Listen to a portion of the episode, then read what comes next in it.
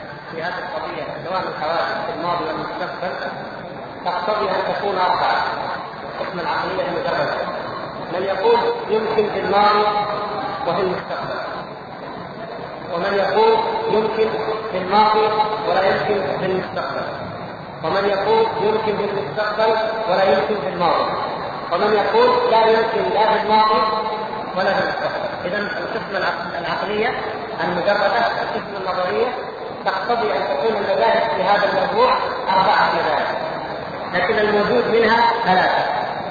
المقول به ثلاثة أقوال.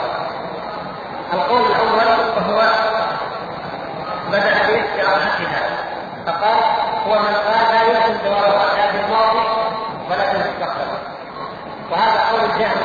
الجهم بن قد سبق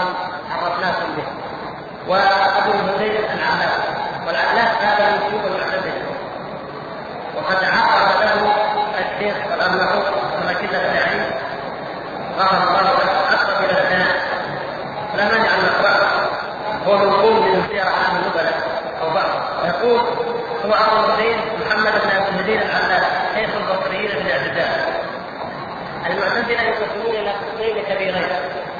المعتزلة فرقتان. والخلاف بينهما كلامي مسائل كلامية. لا تهمنا نحن أهل السنة في كثير من الأمور لانها خلاف داخل البدعة الاعتزاليه معتزله الوسطى ومعتزلة بغداد. البغداديون لهم منهج والبصريون لهم منهج. هذا شيخ البصريين أبو الوزير العلام وهو من اشهر المعتزلة ومن أكثر المبتدعه في الإسلام. يقول الشيخ أنه من أكبر علمائه وأنه صاحب المقالات في مذهبه ومجالسه مجالسه ومناظراته وأنه كان كما ذكرت في الكتاب حسن الجدل قوي الحجة كثير الاستعمال الأدلة والالزامات يعني أن هذا الرجل كان ممن يجادل بالله بغير علم ولا هدى ولا كتاب مبين. وان الإلزامات والأدلة التي كان يستخدمها بينما هي التي كان قد تعلمها من اليونان اما الطب ومن كتبهم وهذا الرجل هو شيخ ابن أبي دعاء القاضي ابن أبي دعاء الذي عجز الإمام أحمد والذي أقنع المأمون باعتناق البدعة وبتعذيب الأئمة وبامتحان الأمة في مسألة خلق القرآن. العلاق هو شيخ ابن أبي دعاء هذا القبيل فكلاهما قليل وهذا القول الشاذ الذي تفرد فيه الجهل وأبو الوزير العلاق هو شاذ حتى عند جميع أهل الملل حتى عند الفلاسفة وحتى عند اليهود وحتى عند النصارى لم يقولوا بأن الحوادث لا تدوم لا في الماضي ولا في المستقبل. ما الذي ينبني على هذا؟ إذا قلنا إن في الماضي لا تدوم مثل ما قلنا ينبني عليه أن الله سبحانه وتعالى لم يكن خالقا ولا متكلما ولا فعالا لما يريد في زمن من الاسماء ثم حدث له ذلك كما يقولون. فانتقل الأمر من الامتناع الذاتي إلى الإمكان الذاتي انتقل الأمر من الامتناع إلى الإمكان. لم يكن متكلما ولا خالقا ولا محيا ولا رازقا ولا كذا ولا كذا أبدا. لا نعلمه ولا يعلمونه. ثم حدثت له هذه.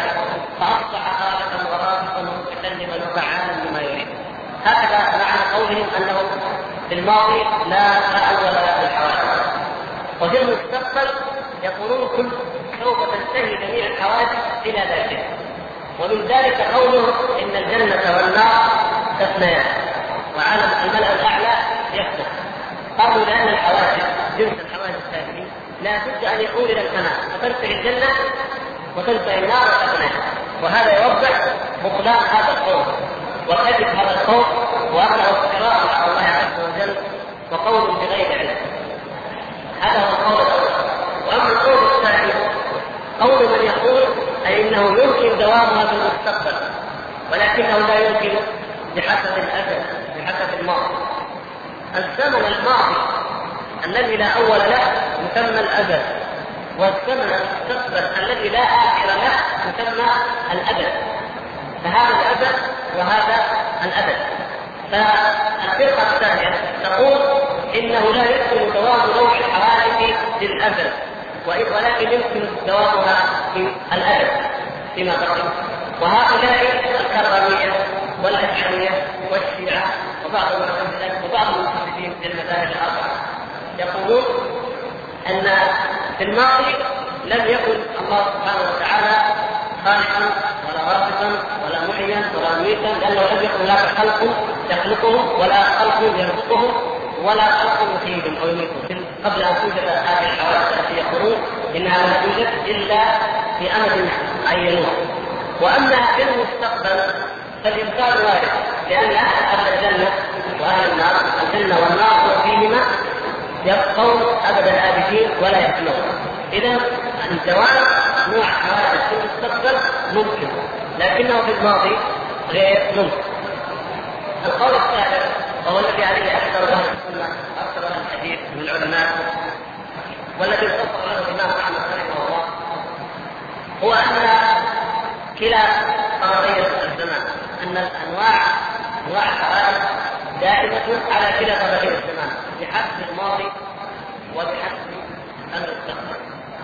ولكن الفرق قد يقال ما الفرق اذا بين هذا القول وبين قول الفلاسفه الذين يقولون إن الكون أو بعض الكون كالافلام أو العقول العشره التي سماها افلاطون وما ذلك إنها قديمة.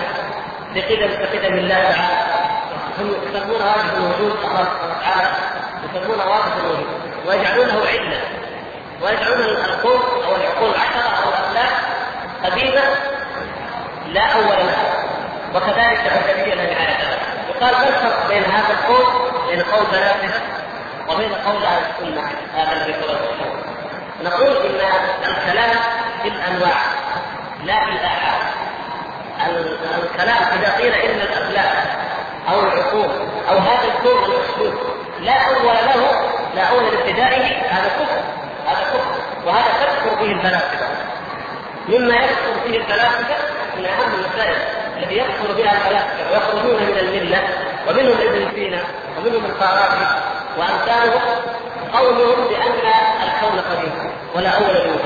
هذه تخرجه من الملة وتكفره وأما أهل السنة فإنهم لا يتكلمون عن عن عين من أعيان المخلوقات لا يقولون العرش قديم ولا القلم قديم أي أي يعني ازلي ولا يقولون السماوات والأرض قديمة ازليه وإنما يقولون الجنس جنس الحوادث أما الأعيان كل مخلوق بذاته كل مخلوق بذاته فهو مخلوق خلقه الله بوقت ما وسيفنيه متى شاء. كل مخلوق في ذاته لكن من حيث النوع أي أننا نفترض أن هذا المخلوق أيضا قبله شيء مخلوق.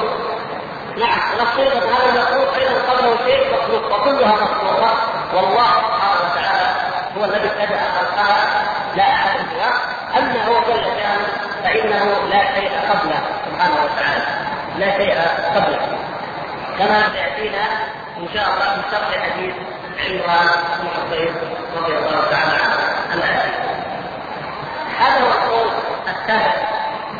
ومن أسباب من توجيه هذا القول ما سيكون الثالث من الاوجه من أن الله سبحانه وتعالى لم يكن في وقت من الأوقات ناقصا ولا معطلا عن الإرادة ولا عن الفعل ولا عن الكلام مما ان شاء الله وانما المراد الان بيان اصول الحكمه العقليه بهذا ويبقى القسم الرابع وهو الذي قلنا انه احد لم يكن يمكن أن تكون الحوادث الاولى في الماضي ولا يمكن أن تكون في المستقبل. يعني القسم الرابع حتى الحكمه العقلية هذا لم يكن فيه أحد. هذه هي الأقوال الثلاثة. وسوف يذكر المؤلف فيما بعد. ما يؤيد ويحتج للقول الثالث قول أهل السنة أو أكثرية أهل السنة وهذه المساله ما بينا في الماضي ونعيد الآن أنها طويلة ومعقدة وقد لا يستطيع كل واحد أن يفهم أو يستطيع المدار فيها من نقاش. لأنها تعتمد على قضايا كثيرة لا يستطيع العقل أن يستوعبها مثل قضية الازل العقل يصعب عليه أن يتصور شيء لا اول له. مهما حاول مهما حاول ذهن الفكري يتصور شيء ليس له أول لا إنما يستطيع مهما فكر يقف عند شيء له بدايه ولا يستطيع أن يفكر في شيء لا اول له. الشيء الثاني أننا لما نتكلم عن العبد وعن الابد إننا نتكلم عن السماء كما هو معلوم. والسماء هذا مخلوق من مخلوقات الله سبحانه وتعالى. نحن الآن في هذا العالم الدنيوي في هذه الأرض نقدر السماء بالليل والنهار التي جعلها الله سبحانه وتعالى لنا لنعرف بها مواقيت لعبادتنا وللآداب وللأعمار ولما شاء الله سبحانه وتعالى من الحكم والمصالح العظيمة في ذريان الليل والنهار. ولكن الذين في كواكب أخرى الذين في الملأ الأعلى بما يتكرر الزمن عندهم إذا هذا عن آخر شيء آخر. ولو تصورنا ما معنى الأجل قبل أن تخلق السماوات والأرض وكيف يكون الشمس تصور الشمس والقمر تجمع الشمس والقمر. كيف يكون الزمان؟ لأدركنا حينئذ أننا لا ندري حقيقة الزمان جهل حقيقة الزمان لا. نستطيع أن نفهمها. ومع ذلك فإنه هو مما خلقه الله سبحانه وتعالى. أقول لأننا لا ندرك مثل هذه الأمور إدراكا واضحا أو لا ندركها بالكلية تشق علينا المسألة. ومع ذلك فإن الفلاسفة والمتكلمين أكثر من الخوف الطويل في هذه المسألة ولما كان يترتب عليها نفي صفات الله عز وجل في فترة أو في زمن معين يقدره هؤلاء ولما كان في دوام إثبات صفات الله سبحانه وتعالى وتعظيم الله أن نثبت له سبحانه وتعالى ما أثبته لنفسه كما يشاء سبحانه وتعالى وانه فعال بما يريد كما يشاء وانه يتكلم كما يشاء متى شاء للشيء كن فيكون متى شاء وحيثما شاء من ابد من ابد لذلك قد أن نفهم ان نخوض هذه المساله وأكثر العلماء وقفوا في بحث هذه المسألة على اقسام لم يكونوا لم يخوضوا بمعها وكانوا الخوض فيها من نصيب المتكلمين وهم يخوضونها في صفحات طويلة بلا ثمر حتى قيض الله سبحانه وتعالى هذا الدين شيخ الإسلام ابن تيمية. أردت على أكبر من بحث هذه المسألة وجمع أدلتها واستقصاها وهو الفخر الرازي المتوفى في أوائل القرن السابع بعد الفخر الرازي كان إمام الأشعرية وحوى تبحر في العقليات في الكلام حوى من علمها السير كثير. فكتب كتابا اسمه المباحث المشرقية. هو كتاب مطبوع المباحث المشرقية. وذكر عشر براهين يظن من يراها أنها لا ليس بعدها كلام باحد البراهين العشرة في إثبات الحوادث لها اولا وأنه لا يصح بحوادث لها اولا. فجاء شيخ الإسلام ابن تيمية. لم يكن قصد شيخ الإسلام ابن تيمية أن يرد عن الفصل الرابع. لكن جاء الذي سمى نفسه ابن المطهر الحلي وهو عربي ابعد شيء عن الطهارة في الاعتقاد وفي العمل. هذا المطهر ألف كتابا سماه من هذا الكرامه وسبق الحديث لأحد السلاطين ليوقع هذا السلطان من ملوك العجم بأن يدخل أراد أن يدخل الاسلام كان حديث عن الإسلام. فأراد أن يقنعه يدخله في دين الرافضة. لا يدخل في دين الإسلام في منهج السنة والجماعة. فكتب له هذا الكتاب سماه من هذا الكرامه واخذ ينمي أهل السنة والجماعة ويعدهم بأقوال منها ما هو قول لبعضه فمثلا يأتي إلى قول الاشعريه مثلا ويقول وأهل السنة يقولون كذا ثم يعيدهم بهذا القول ويرسل هذا القول. وهكذا. يظن من يقرأ أن هذا باطل كبير انتصر على وأن هذا القول من أقوال أهل السنة والجماعة. ولذلك جاء شيخ الإسلام ابن تيمية وأخذ يستعرض الاقوال يقول واما قول الرافضين كذا ثم يأتي هل هذا القول من أقوال أهل السنة فعلا هذا هو الشيء. هل هو استدلال صحيح اولا في نص ثالث ما في إذا كان جاء نص ضعيف يقول هذا المحتمل فيه باطل أو حديث مكتوب أو استدلال بالايه فقط إلى آخره.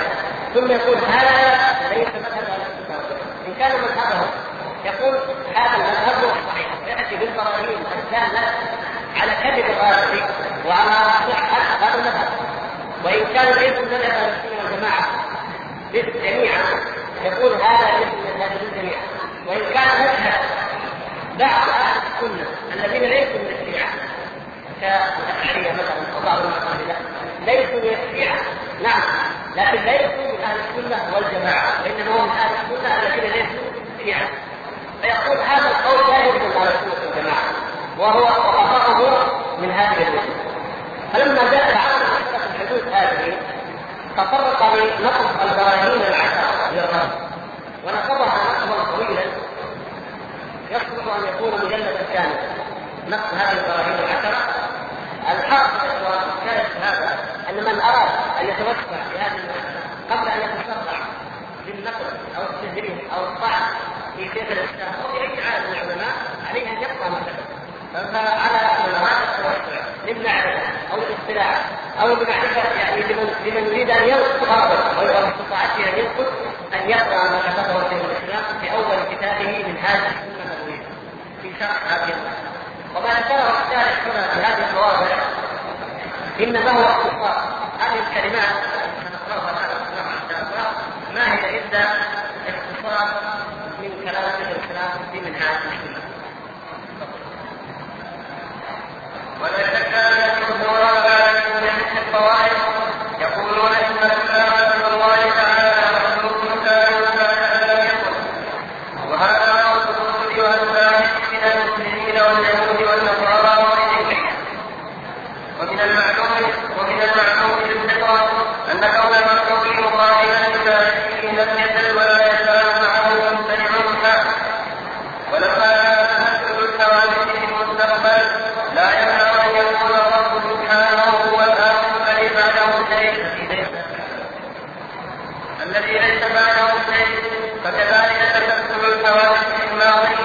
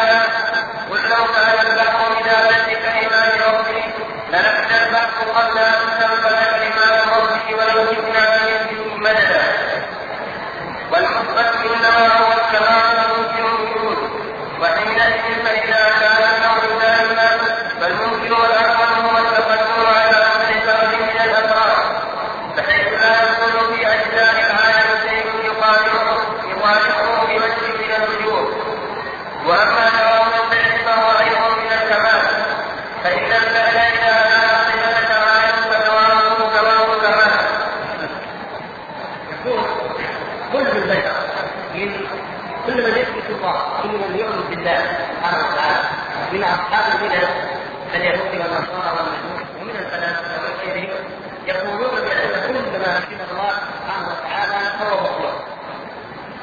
ومع ذلك يقولون بأن تأخر لأن دوام نوع هذه المخلوقات إلى ما لا نهاية في المستقبل. كما قلنا أن الجنة والنار تبقى إلى الابد هذا لا يكفي أن يكون الله سبحانه وتعالى هو الآخر كما جاء في الحديث وانت الآخر فليس بعدك شيء الله سبحانه وتعالى هو الآخر الذي ليس بعده شيء فإذا أمكن ذلك فما المانع للمقابل أيضا أن يكون الله سبحانه وتعالى هو الأول الذي ليس قبله شيء ومع ذلك فإن نوع الحوادث المخلوقات يكون أيضا قليلا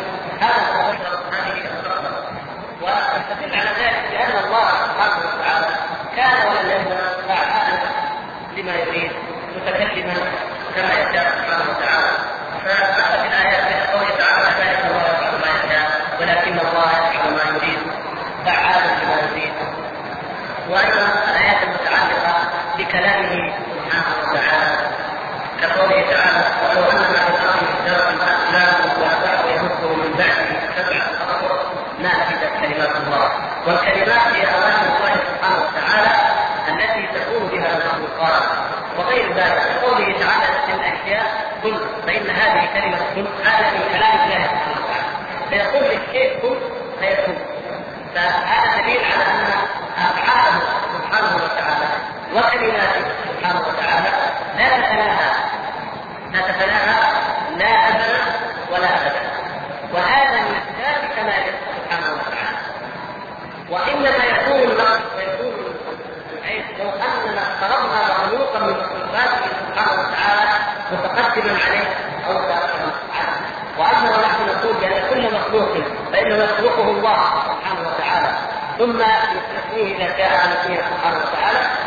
هذا لا يقتضي بل النقص أن يقال إنه سبحانه وتعالى لم يكن متكلما ولم يكن مريدا لما يشاء في ذلك الزمن سواء كان العشر أو الاكثر.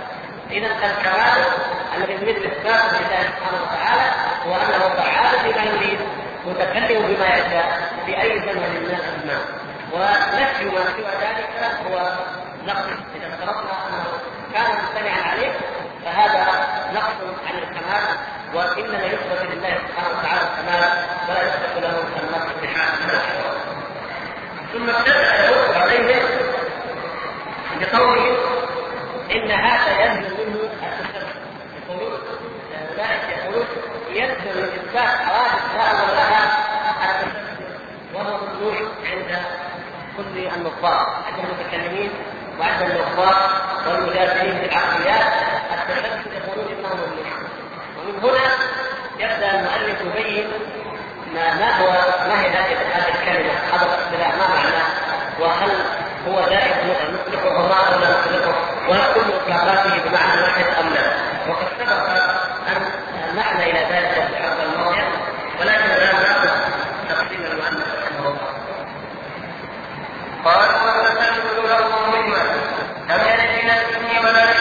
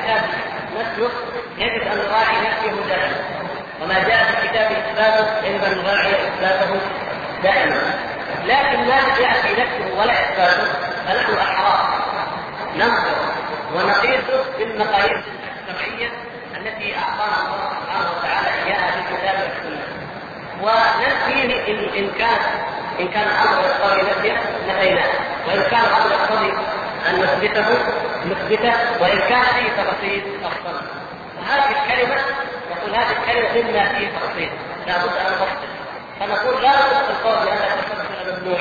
هذا لم قال إنه ممنوع لا جاء في الكتاب ولا في السنة. بل لو نظرنا إلى الكتاب والسنة من البراهين لوجدنا أن التسلسل ثلاثة أقسام. ترد عليه الأحكام الثلاثة وهي انواع الوجوب أو الامتناع أو الجواز. هذه الأحكام تسمى الاحكام العقليه الثلاثه ترد على التسلسل إما أن يكون واجب الوجوب واجب الوجود أو ممتنع الوجود أو ممكن الوجود. جائز أن يوجد وجائز الا يوجد يقول هذه الأحكام العقلية الثلاثة ترد على التسلسل فمنه واجب؟ يجب أن نثبته لله سبحانه وتعالى. ومنه مبتدع يجب أن ننفيه عنه ومنه ما هو ممكن وما هو جائز ثم هذا فقط ذلك أيضا المبتدع هو التسلسل في المؤثرين في المؤثرين.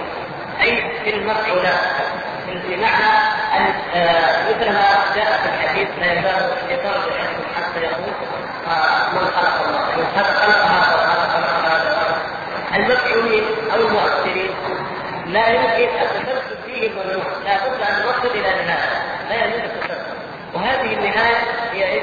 مثلا في المفعولين أو في المؤثرين هي الله سبحانه وتعالى. نقول مثلا من هذا خلقه الإنسان. الإنسان من خلقه خلقه الله. وهكذا وهذا عدد ما يدل عليه قوله تعالى وأن إلى ربك المنتهى. إليه منتهى كل شيء سبحانه وتعالى. لكن البشر أحيانا ينسبون الأشياء إلى الظواهر أو الأشياء التي يرونها وينسون أن نهايه كل شيء من رزق أو خير أو حياة إلى الله.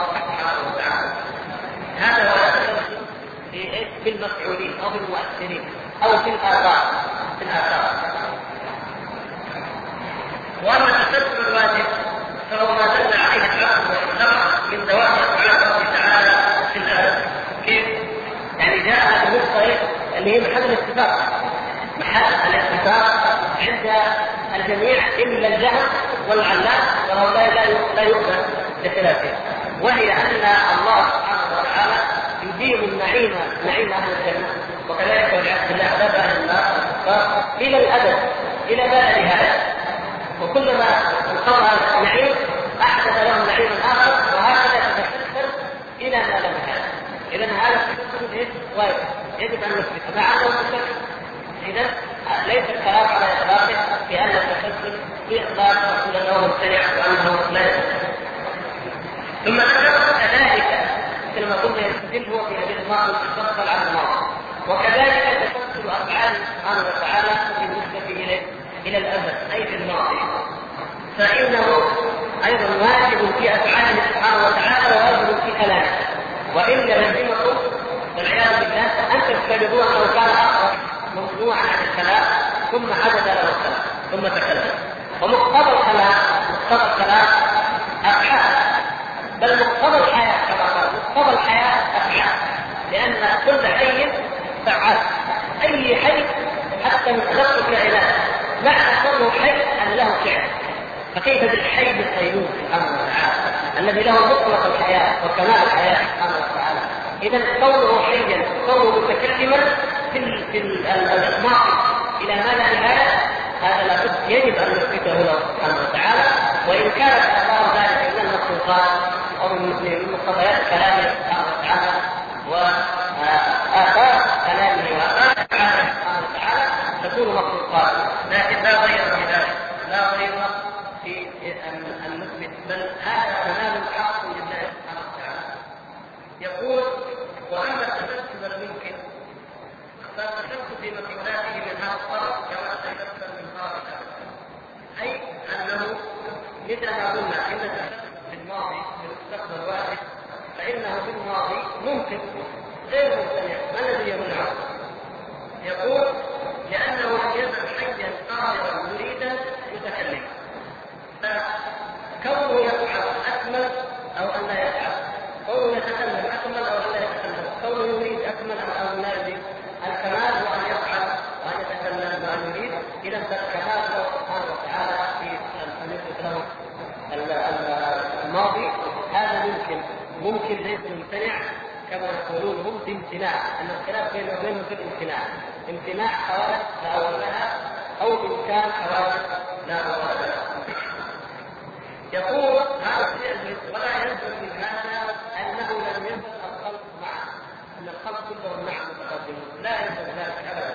لأنه سبحانه وتعالى متقدم متقدم على كل أي مخلوق أي فرد مخلوقاته يختلف فإنه سبحانه وتعالى متقدم عليه تقدما لا اول له لكل خلق لكل مخلوق اول والله سبحانه وتعالى هو الذي لا اول له وهو خالق كل شيء وهو رب كل شيء. مثل ما قلنا لأن الازل نفسه الازل نفسه ليس امرا وجوديا ليس كيف كيف إنما ما معنى الازل؟ معناه ما لا اول له. معنى الازل لا لا اول له. محدودا وإنما هو ما لا اول له. فكل ما افترضناه فلا نختلف أن اخر فهذا هو الادب فنتج من هذا؟ أن التشبه يمكن أن يقلبه ما هو واجب مثل ما اتفق الجميع عليه وهو تسلسل أفعاله سبحانه وتعالى في المفصل ومنه ما هو ممتنع وهو الذي يتكلم فيه الناس عادة وهو تسلسل المؤثرين أو المخلوقين كل بعضهم عن بعض. ومنه ما هو ممكن وهو تسلسل أفعاله سبحانه وتعالى في الزمن الماضي. اذا فهذه القصة الثلاثيه تنفي قولكم إن القول ان حوادث بوجود حوادث الأول لها يؤدي إلى التسلسل. هذا رحمه الله سبحانه وتعالى أن يقول قالوا وكل قول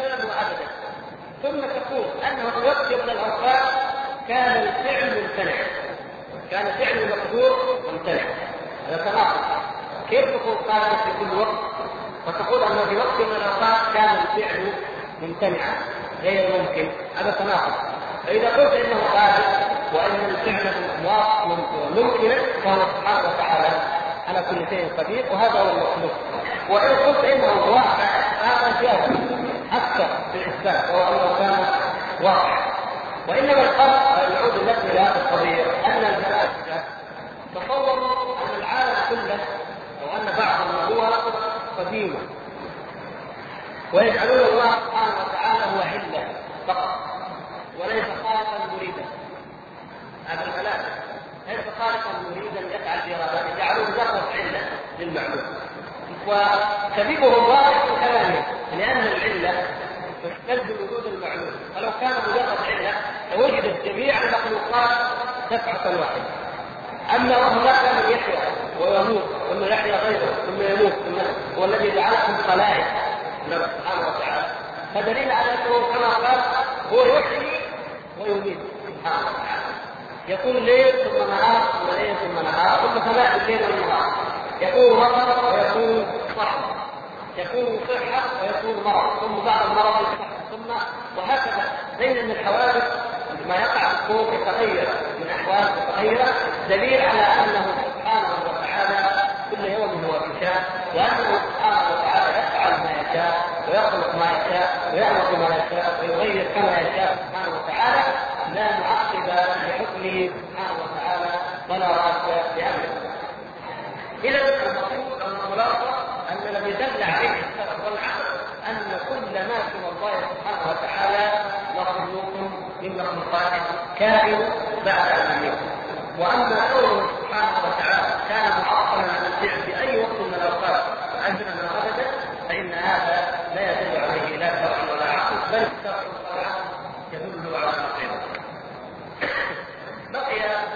يورد ما استدل به أحد المتكلمين وهو ابن معاذ الجويني في هذه دليل عقل. الجويني كان عندنا دليل عقل على التسلسل يورده المؤلف ونشرحه إن شاء الله. ونرجو ان يمكن أن يفهم بإذن الله. وقد أورد لكم معاني في إرشاد وغيره ينقص من المغضاء على التسلسل في المرء فقالوا مهما قلت لأرجو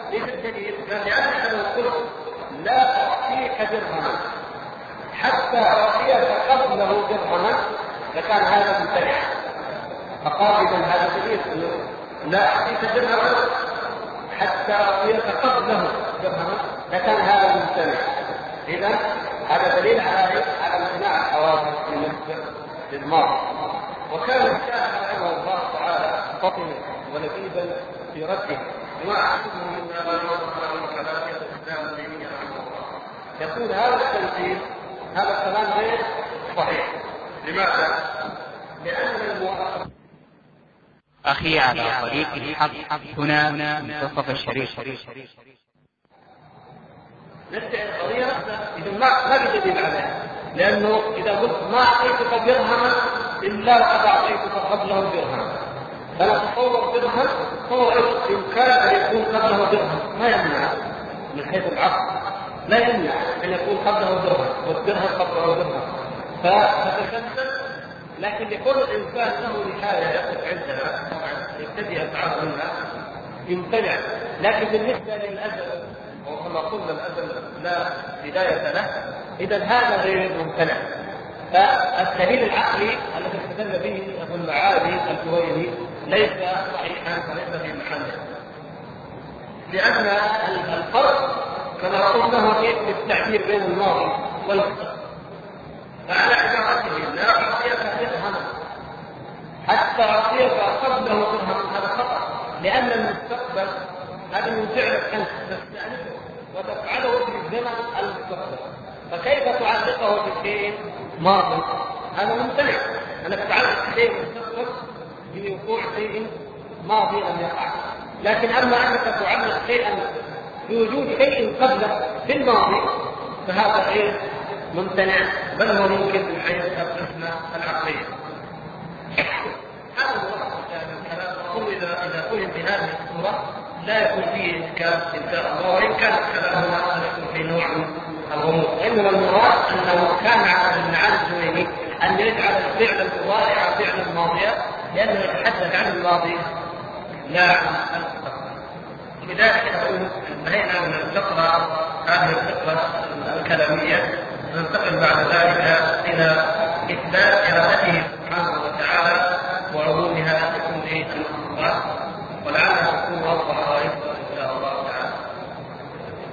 قوله ليس بعد خلق الخلق استفادة من الخالق ولا بعد من برية استفادة من البارئ وغير كلام الشيخ رحمه الله أنه يمنع تسلسل الحوادث اطلاقا وياتي في كلامه ما يدل على أنه لا يمنعه في المستقبل وهو قوله والجنة والنار مخلوقتان لا يحتاجان ابدا ولا تفيدان وهذا نقول وهذا مذهب الجمهور كما تقدم ولا شك في فساد قول من منع ذلك في الماضي والمستقبل كما ذهب اليه الجهل والباب وقال بفناء الجنة والنار بما يأتي من الأدلة إن شاء الله تعالى. وأما قول من قال بجواز حوادث لا أول لها. من القائلين بحوادث لا لا آخر لها. فأظهر بالصحة من قول من فرق بينهما. فإنه سبحانه لم يتبعها والفعل من الحياة. فلم يجلس يأتي ما يريد كما وصف بذلك نفسه. حيث يقول ذو العرش المجيد فعال يريد والآية تدل على أمور أحدها أنه تعالى يفعل بإرادته ومشيئته الثاني أنه لم يزل كذلك لأنه ساق ذلك في معرض المجد والثناء على نفسه وأن ذلك من كماله سبحانه ولا يجوز أن يكون عالما بهذا الكمال في وقت من الأوقات وقد قال تعالى أفمن يخلق كما كمن لا يخلق ولا تذكرون ولما كان من الله كذلك يعلم بجلاله لم يكن ذلك بعد أن لم يكن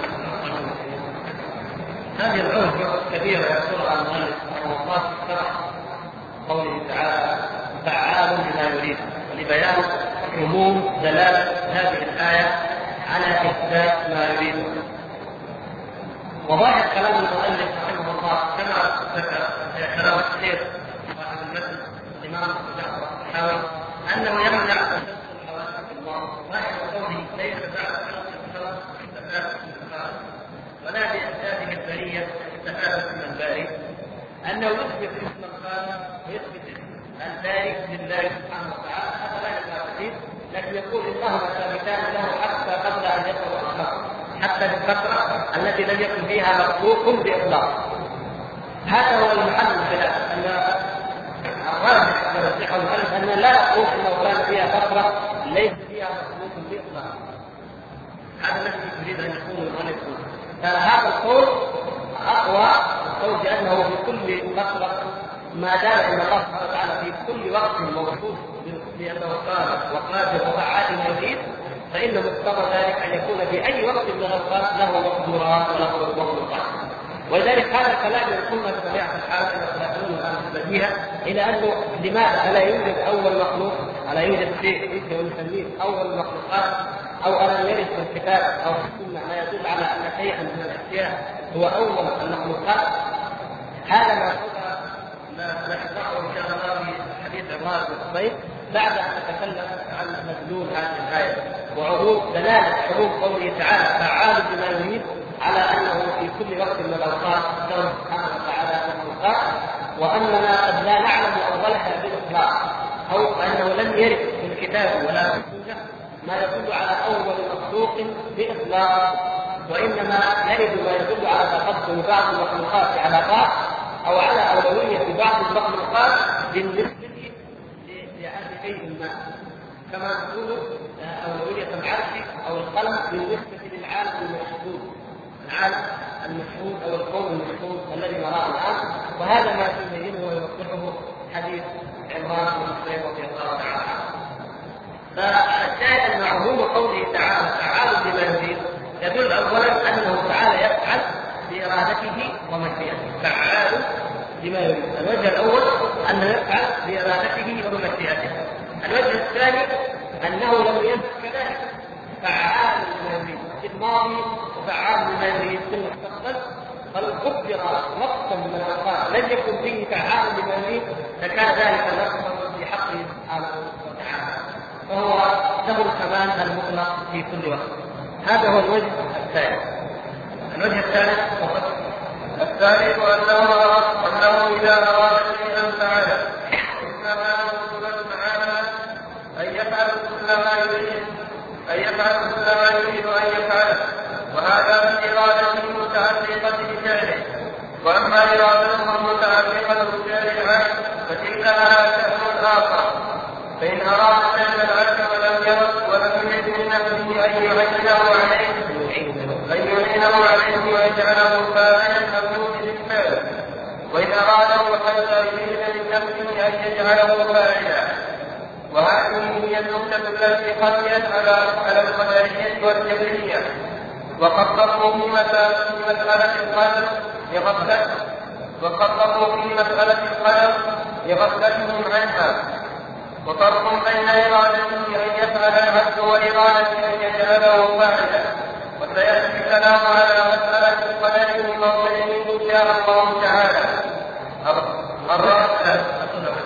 الوجه الثالث أنه من أوجه ثلاث قوله تعالى فعال بما يريد أنه إذا أراد شيئا فعل أي شيء. لعموم كلمة ما فعال لما يريد ما اسم موصول من ألفاظ العموم. مثل كلمة شيء يدخل كل شيء يدخل فيها. فهو سبحانه وتعالى فعال لما يريد أي فعال لأي شيء لأي شيء يريده هذا هذا يدل على الإطلاق وعلى العموم في سائر الاسماء لكن يقول يقول هذا في إرادته المتعلقة بفعله؟ وهذا واضح ما تعلق فعال بما يريد. فهو بما يريد فعله هو سبحانه وتعالى. أما إذا اعتبره متعلقا بفعل العبد فتلك لها شأن آخر. هذا الشأن الآخر سبق معنا مجملا في باب الإرادة من كلمة الإرادة ويأتي بفصل إن شاء الله في شرح أبواب القدر. لكن الشاهد هنا هي التفريق التفريق بين هذه الإرادتين. فعال لما يريد الإرادة الكونية إرادته الكونية التي إنما أمره إذا اراد شيئا أن يكون له كن فيكون سبحانه وتعالى. فما أراده سبحانه وتعالى فإنه يكون له كن فيكون. لكن الإرادة الشرعية التي هي فعل العبد التي مطلوب من العبد أن يفعلها وان يحققها هذا شان اخر فإن أراد أن يوفق العبد وأن يهديه بفعل من الأفعال أعانه عليه. وإن أراد خذلانه فإنه سبحانه وتعالى لا يعينه عليه. ففرق بين أن يفعل سبحانه وتعالى وبين أن يريد من غيره أن يفعل كما مر. وكلامنا هنا في ماذا؟ في أفعاله هو سبحانه وتعالى. وأنه فعال بما يريد أي يفعل كل شيء يريده فهو عام بكل شيء في كل وقت من الأوقات. الرابع الرابع أن فعله وإرادته متلازمان فما أراد أن يفعل فعل وما فعله فقد أراد بخلاف المخلوق فإنه يريد ما لا يفعل وقد يفعل ما لا يريد فما أما عليه بما يريد إلا الله ورسوله الخامس الرابع ان فعله فعل الله سبحانه وتعالى وارادته سبحانه وتعالى متلازمتان نعم لا ينفك بعضهما عن بعض فما اراد أن يفعل فعل. وما فعله الله ما فعله الله سبحانه فقد فعل. ما أراد أن يفعل فعل. ولا معقب لحكمه ولا رد لفعله وما أراد وما بعده فقد أراد. لأنه لا يفعل سبحانه وتعالى. إلا ما يريد فهو متلازمتان بخلاف المخلوق إرادة المخلوق وفعل المخلوق ينقصان كما قال. فإنه يريد ما لا يفعل. واضح المخلوق يريد ما لا يفعل وأيضا يفعل ما لا يريد. أما الله سبحانه وتعالى فإن إرادته وفعله سبحانه وتعالى متلازمتان فله الكمال المطلق وله الإرادة المطلقة والفعل المطلق سبحانه وتعالى. وهذا من يبين مثل هذا هل انه اذا اراد شيئا فإنه لا بد أن يفعله. ام انه سبحانه اذا اراد شيئا فانه قادر على فعله قد يفعله أو لا يفعله إذا أراد أن يفعل شيئا فعل. وإن لم يرد أن يفعل لن يفعل. هذا ما فيها إشكال. إذا أراد إيجاد شيء أو فعل شيء فعل. وما لم يرد فعله فإنه لا يفعله سبحانه أما أم أنه تعالى فيها فإنه غافل على فعله. فقد يفعله وقد لا يفعله. لا هو إذا أراد فانه قادر على القدره والاراده التشريع على الاسباب لله سبحانه وتعالى. لكن نقول إذا أراد أن يفعل شيء فعل التشريع انه قادر على يفعل سبحانه وتعالى كل شيء. فمتى اراد ان يفعله فعل وما وما لم يرد أن يفعله سبحانه وتعالى لن يفعله. ولا يملك أي مخلوق على الإطلاق أن يفعل ذلك. كل ما عدا الله سبحانه وتعالى لا يملك من ذلك شيء. فإنه يريد ما يفعل ويفعل ما لا يريد. الخامس إثبات الإرادات المتعددة بحسب الأفعال وأن كل فعل له إرادة مخصوصة هذا هو المعقول في الخطاب فشأنه سبحانه أنه يريد على الدوام ما كان يريد إذا هذا الله سبحانه وتعالى له إرادة كل فعل يقع في الكون فله إرادة يريد أن يوجد هذا الفعل فيوجد. مثلا وما لم يوجد لم يوجد أن يوجد فلم يوجد لكن الكلام الآن في الوجوديات فكل ما أراده الله فله إرادة وحكم كما هو واضح في الفطرة وفي الحكم وفي الأدلة فإذا قلنا أراد الله أن يوجد هذا الجبل أو أراد الله أن يوجد الجبل هذا هو الكلام الصحيح وعليه لا أنه إرادة واحدة. المقصود في كل شيء إرادة. لا أن هناك إرادة. واحدة فقط كما يقول ثلاث وهي العلة التامة الموجبة التي تقتضي إيجاد كل معلومة. بل الله سبحانه وتعالى يفعل ما يشاء سبحانه وتعالى كل يوم هو في شان فهو يريد حياة هذا ويريد موت هذا. فهذا له إرادة خاصة فقط حياته وهذه الإرادة الخاصة كان اختارها أو كان اختارها أن يموت وهكذا في حقيقه كل فعل من الأفعال. ولكننا لا نعلم حقيقة صفات الله سبحانه هذا هو معلوم جميع الصفات وإنما الذي الذي يدل عليه عموم والصفات والبداءة أنه سبحانه وتعالى له في كل فعل إرادة وباطل قطعا من قول من يقول انها اراده واحدة اخترت كل شيء سبعه واحدة ثم بقيت الأمور ثلاثة تلقائيه. الثالث أن كلما صح أن تتعلق به إرادته جاز فعله فإذا أراد أن ينزل كل ليلة إلى سواء الدنيا وأن يأتي يوم القيامة بفصل القضاء وأن يري عباده نفسه وأن يتجلى لهم كيف شاء ويخاطبهم ويرحل إليهم وغير ذلك مما يجب سبحانه لم يمتنع عليه فعله فإنه تعالى فعال بما يريد وإنما يتوقف اتفاق المصحف ذلك على إثبات الله به فإذا أخبر رجل نفسه وكذا يجعل ما يشاء من ما يشاء كل يوم هو في شأن سبحانه وتعالى والقول بأن الزواج أول يبدأ منه التعطيل قبل ذلك وأن الله سبحانه وتعالى لم يزل غير فاعل وصار فاعلا ولا يلزم من ذلك قيام العالم لأنه لا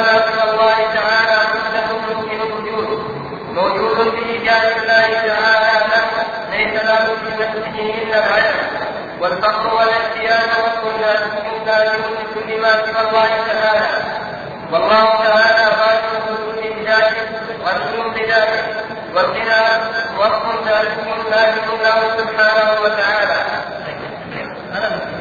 الفقره الاخيره هذه مهمه جدا وهي تربط الموضوع باوله أول ما ابتدانا الحديث عن الموضوع في الفقره الثالثه عشر ذكر بقوله ما زال بصفاته قديم قبل خلقه قال الشارع أي أن الله سبحانه وتعالى لم يزل متصفا بصفات الكمال صفات الذات صفات الفعل هنالك قلنا أن صفات الفعل افعال الله سبحانه وتعالى ومنها صفات الفعلية تتعلق بماذا؟ بالإرادة أي من علامتها أن صفات الذات تتعلق بذاته سبحانه وتعالى لا تنفك عن ذاته كما نقول الحي القيوم قد به قال فهو حي قيوم دائم. دائم الحياة والقيومية سبحانه وتعالى. ونحو ذلك.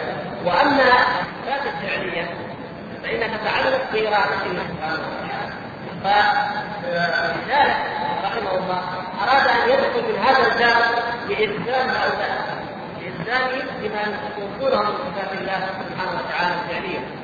يقولون أن هذه الصفات يلزم منها الحكميه يلزم منها الانتقام يلزم منها التبعض كما اوضحنا ذلك فهو يقول ان كل ما صح ان تتعلق به ارادته جاز له فعل جاز ان يفعله الله سبحانه وتعالى فمن مانع عقلا ان تتعلق اراده الله سبحانه وتعالى أو يريد الله سبحانه وتعالى ان ينزل ما الذي يمنع ذلك؟ لا أحد يملك ان يمنع فاذا قلنا ذلك اذا هو جائز حقا كيف تنكرونه؟ وكذلك انه يرفع يسخر أو يضحك ويفعل ما يشاء من الأفعال سبحانه وتعالى التي وردت.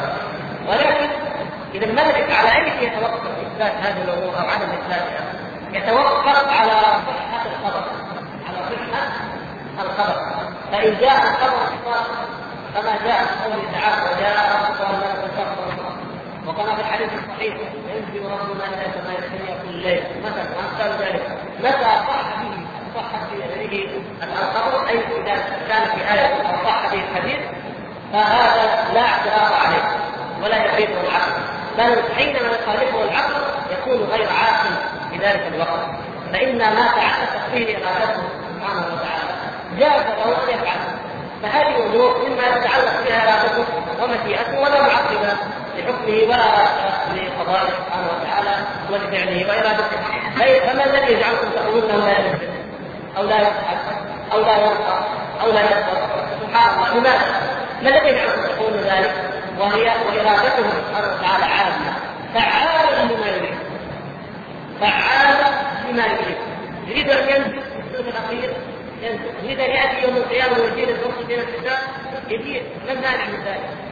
إذا كل ما يقولونه ان القواطع العقليه أو البراهين النظرية أو امكان كذا أو استحالة كذا كل هذا الكلام يسقط أمام الحق والنور الواضح المبين من كلام الله وكلام رسوله صلى الله عليه وسلم انظروا ايها الاخوه كم من هذه الأوجه هذه ستة أوجه عظيمة كل منها عظيم مأخوذة من هذه الآية الموجزة لفظها ولكنها عظيمة ككل القرآن في معناها وهي قوله تعالى فعال بما يريد فإن فيها إثبات لصفات الله سبحانه وتعالى وإثبات لعموم إرادته سبحانه وتعالى وإثبات لعموم علمه بما يشاء سبحانه وتعالى دون معترض ولا معقب ولا مانع من الأوجه التي هي ستة أوجه كما ذكر الشارع ولو أن المتأمل ربما ذلك عن ذلك. لأن هذا القرآن لا تنفذ عجائبه ولا تنقضي سبحان الحكيم العليم الذي أنزله ويقصد المؤلف إلى القول بأن القول بأن الحوادث لها أول يلزم منه التعطيل وانه سبحانه وتعالى كان عاصرا عن الفعل في زمن من الأزمان وهذا ما ايضاحه ثم يستدرك بأن ذلك لا يلزم منه قدم أي شيء من المخلوقات. وهذا سبق بيانه بأن الأنواع تختلف عن الزواج. فأما الزواج والاعيان فكل شيء من المخلوقات القلم أو العقل أو الكرسي أو السماوات أو الأرض أو أي مخلوق معين بعينه فإنه مخلوق حادث بعد أن لم يكن. ولكن الكلام في إيه؟ في النوع في نوع هذه الحوادث. وهو الذي نقول إنه متعلق واثر صفات الله سبحانه وتعالى. وهذا الذي هو لا أول له لأن صفات الله عز وجل لا أول له. لا أول له. وهذه النقطة تنقلنا إلى النقطة المهمة التي هي هذا العالم الموجود وهذا الكون المخلوق الذي نراه والذي نعيش فيه الآن؟ هل خلق من مادة أو لم يخلق؟ خلقه الله سبحانه وتعالى من العدم غير مادة. وما هو أول شيء خلق فيه؟ الكلام في أول حوادث أنها أول على أول ينقلنا إلى هذه القضية وإلى ما قاله بعض الشراح في شرح حديث عمران بن حصين رضي الله تعالى عنه وهو حديث صحيح رواه الإمام البخاري في أول كتاب بدء الخلق من صحيحه. كتاب بدء الخلق ذكر فيه أن وقت النبي صلى الله عليه وسلم خلق على صفه بني تميم فقال اكبر البشرى يا بني تميم اكبر البشرى يا بني تميم. فقالوا قد بشرتنا فأعطنا. فرفض بنو تميم البشرى قد بشرتنا فاعطنا له روايات كثيرة في كتاب الخلق وكتاب التوحيد فقال يحبكم البشرى يا أهل اليمن قالوا قد قبلنا يا رسول الله قبل أهل اليمن البشرى وجلسوا مع رسول الله صلى الله عليه وسلم وقالوا يا رسول الله إنا جئنا نسألك عن أول هذا الأمر كيف كان؟ جئنا نسألك عن أول هذا الأمر كيف كان؟ فقال له النبي صلى الله عليه وسلم كان الله ولم يكن قبله شيء. وفي لفظ في روايته كان الله ولم يكن غيره شيء. وكان عقله على الماء وخلق السماوات والأرض. ثم تختلف الروايات لكن تاتي روايه وكلها تجمع على أن رجلا قال يا عمران أدرك ناقتك فقد ذهبت قال فخرجت فإذا الاسرار يقطعونها قال فوجدت لو اني تركتها. يعني أن عمران بن الخطيب رضي الله تعالى عنه وهو من الخزاعه كان جالس قبل أن يخبر النبي صلى الله عليه وسلم الحديث الناقه هرب وجاء رجل يقول ادرك ناقتك يا عمران فخرج وظن أنه قد يلحقها ويدرك بقية الحديث. فإذا السراب بين يصنع يحول بينه وبينها السراب وطردها وقال وجدت أنني تركتها.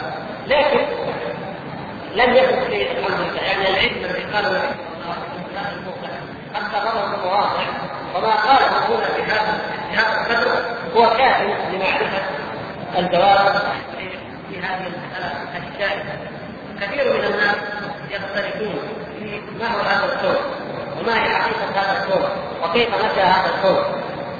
ولو تأملنا كما سنرى في الابواب التي التي الوجوه التي ذكرها في ذلك فنجد أن النبي صلى الله عليه وسلم اقتصر في الجواب على الكون المحدود المشهور على السماوات والارض أو على العالم الذي نحن الذي جاءنا خلق ولا نستطيع أن نقول إن هذا هو كل العالم أو هذا كل خلق الله عز وجل. وهذا الحديث حديث عمران بن حسين رضي الله تعالى عنه شرحه شيخ الإسلام ابن تيمية رحمه الله شرحا مستفيضا غافيا وهذا الكلام الذي ذكره الشارع هنا إنما هو ملخص من شرح شيخ الإسلام له الشرح موجود في المجلد الثاني عشر من مجموع الفتاوى ابتداء من صفحه 210 رسالة طبعت أيضا في مجموعة الرسائل اسمها شرح حديث عمران ونذكر الروايات التي ذكرها قوله كان الله ولم يكن شيء قبله أجابه النبي صلى الله عليه وسلم بقوله كان الله ولم يكن شيء قبله قال المؤلف هنا قال وفي رواية ولم يكن شيء معه وفي رواية ولم يكن شيء غيره. شيخ الإسلام ابن تيمية ذكر هذا الكلام لكن نود أن ننبه إلى تعليق ما قاله الشيخ فقط أو لم يقول أخرجه البخاري طبعا يعتبر بعد هذا في كتاب التوحيد لا وكان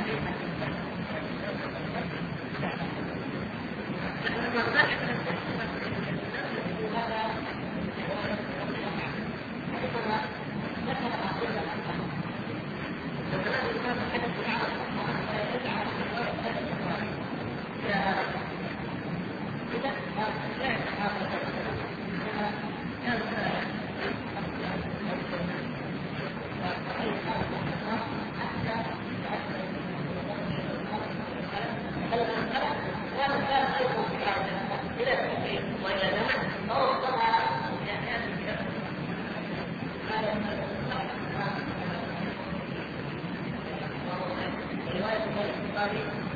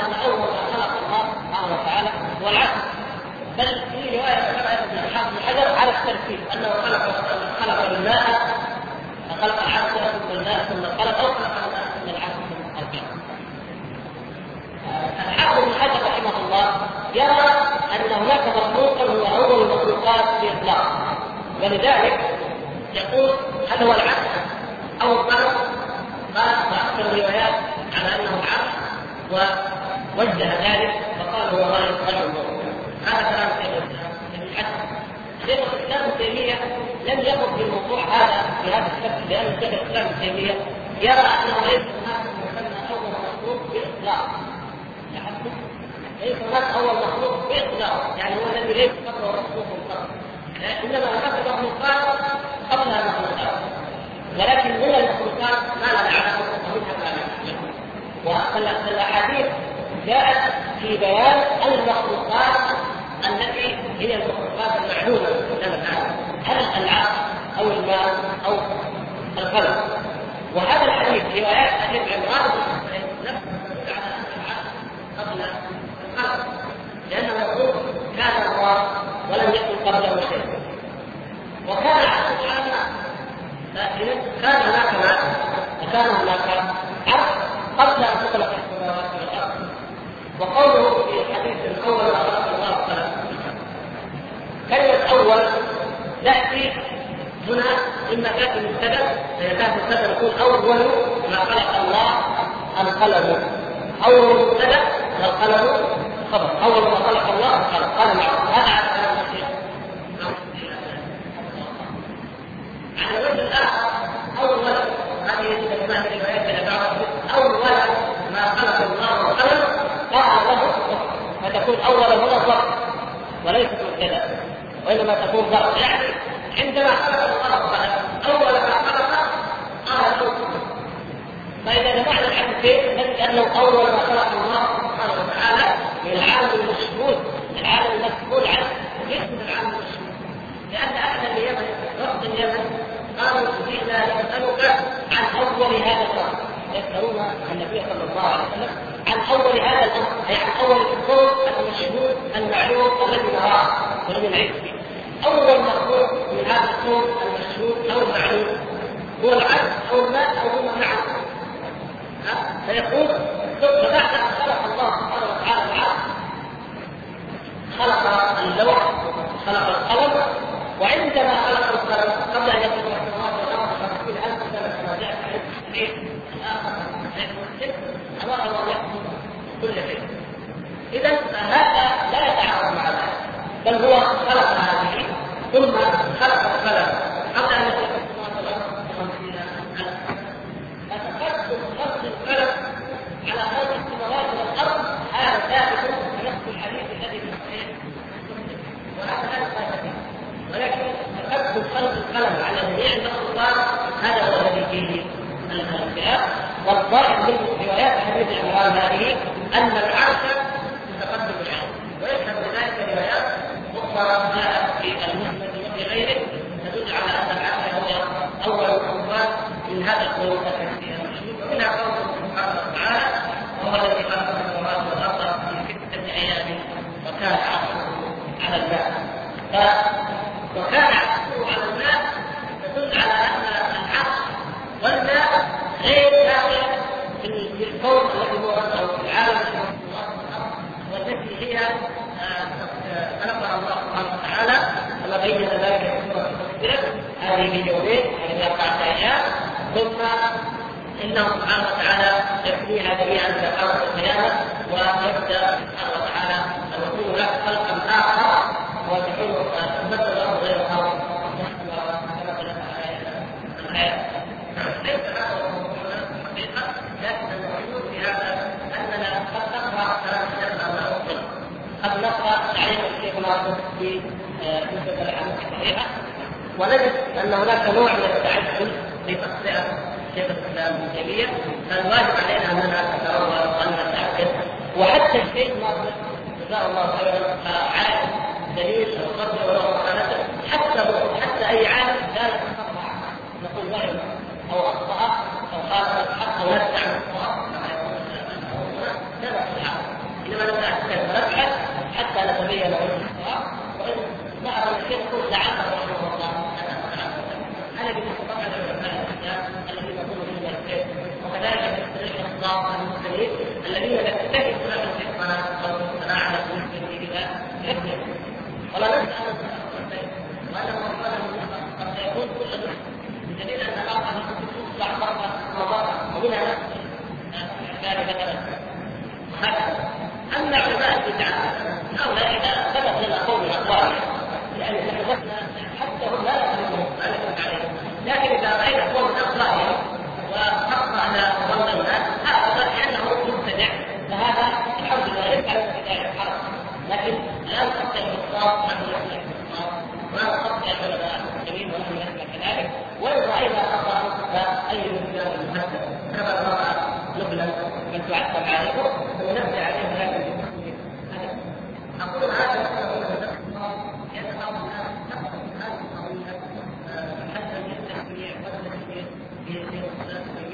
ولا اعرف ان يفعل ذلك كثير وقد سحر فيه من الذين لكن أن يتبعه علماء السنة فهذا خطا اذا إذا إذا يقول ان هذا يوافق لا وليس لا يكون ولكنه لم يختص لأن ما أنا اتكلم فيه هو رحمه الله المحيط باكثر انه يكفي انه لا يكون حديث في اوليه العبد في اوليه العبد مع ان هذه الحديث كما هذا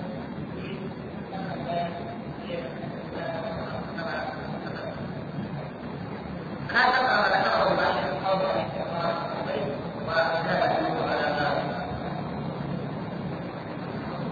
والناس قولان في هذا العالم هل هو مخلوق مما تنفي الانباء واختلفوا في اول هذا العالم ما هو؟ وقد قال تعالى وهو الذي خلق السماوات والأرض في ستة أيام وكان عرشه على الماء وروى البخاري ومسروق عن عمران بن بكر رضي الله عنه قال قال أخبرت لرسول الله صلى الله عليه وسلم إنا لنسألك قادمون ولنسألك عن أول هذا الأمر فقال سأل الله فلم يكن شيء قبل وفي رواية ولم يكن شيء معه وفي رواية غيره وكان عرشه على الماء وكتب في كل شيء وخلق السماوات والأرض. وفي لفظ ثم خلق السماوات والأرض. فقوله كتب في يعني كون المحفوظ كما قال تعالى ولقد كتبنا في الزبور من بعد الذكر. يسمي ما كتب يسمى ما يكتب في ذكرا كما يسمى ما يكتب في الكتاب كتابا والناس في هذا الحديث على قولين منهم من قال إن المقصود اخباره بان الله كان موجودا وحده ولم يزل ذلك كاذبا. ثم اتجه إلى ثم اتجه إلى سبيل الحوادث فجودها واحكامها مسبوقا في عدم وأن تلك الزمان ما في زمان وان الله قال كان بعد ان لم يكن يفعل شيئا من الازل إلى حين ابتداء الناس ولا كان الشيء ممكنا وإنما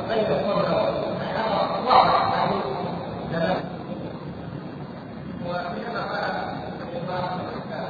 حسب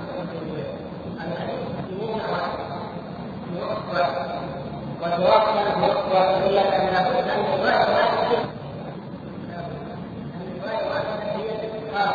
صلى الله عليه وسلم وأن الروايتين الأخرين رويتا بالمعنى.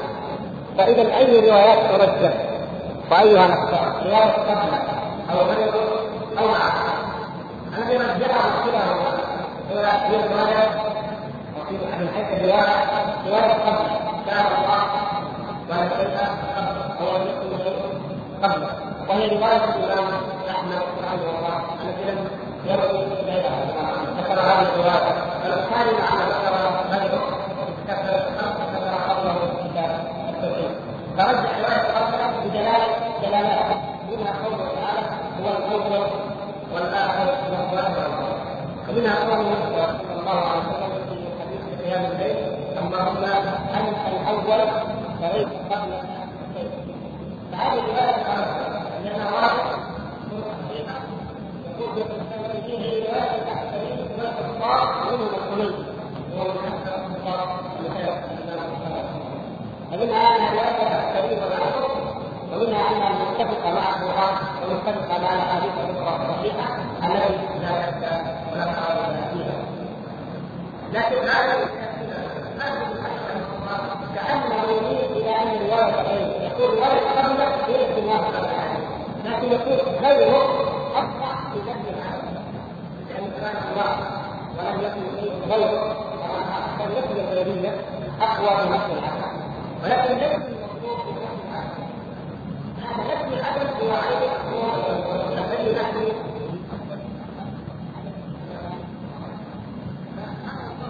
هو هو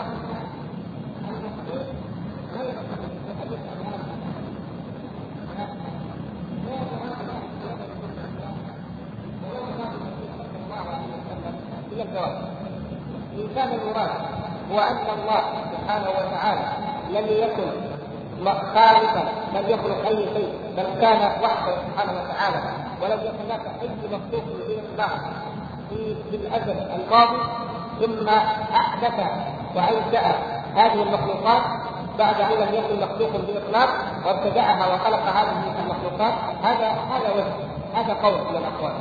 وهذا القول هو الذي سوف نفصل الآن؟ مرادا.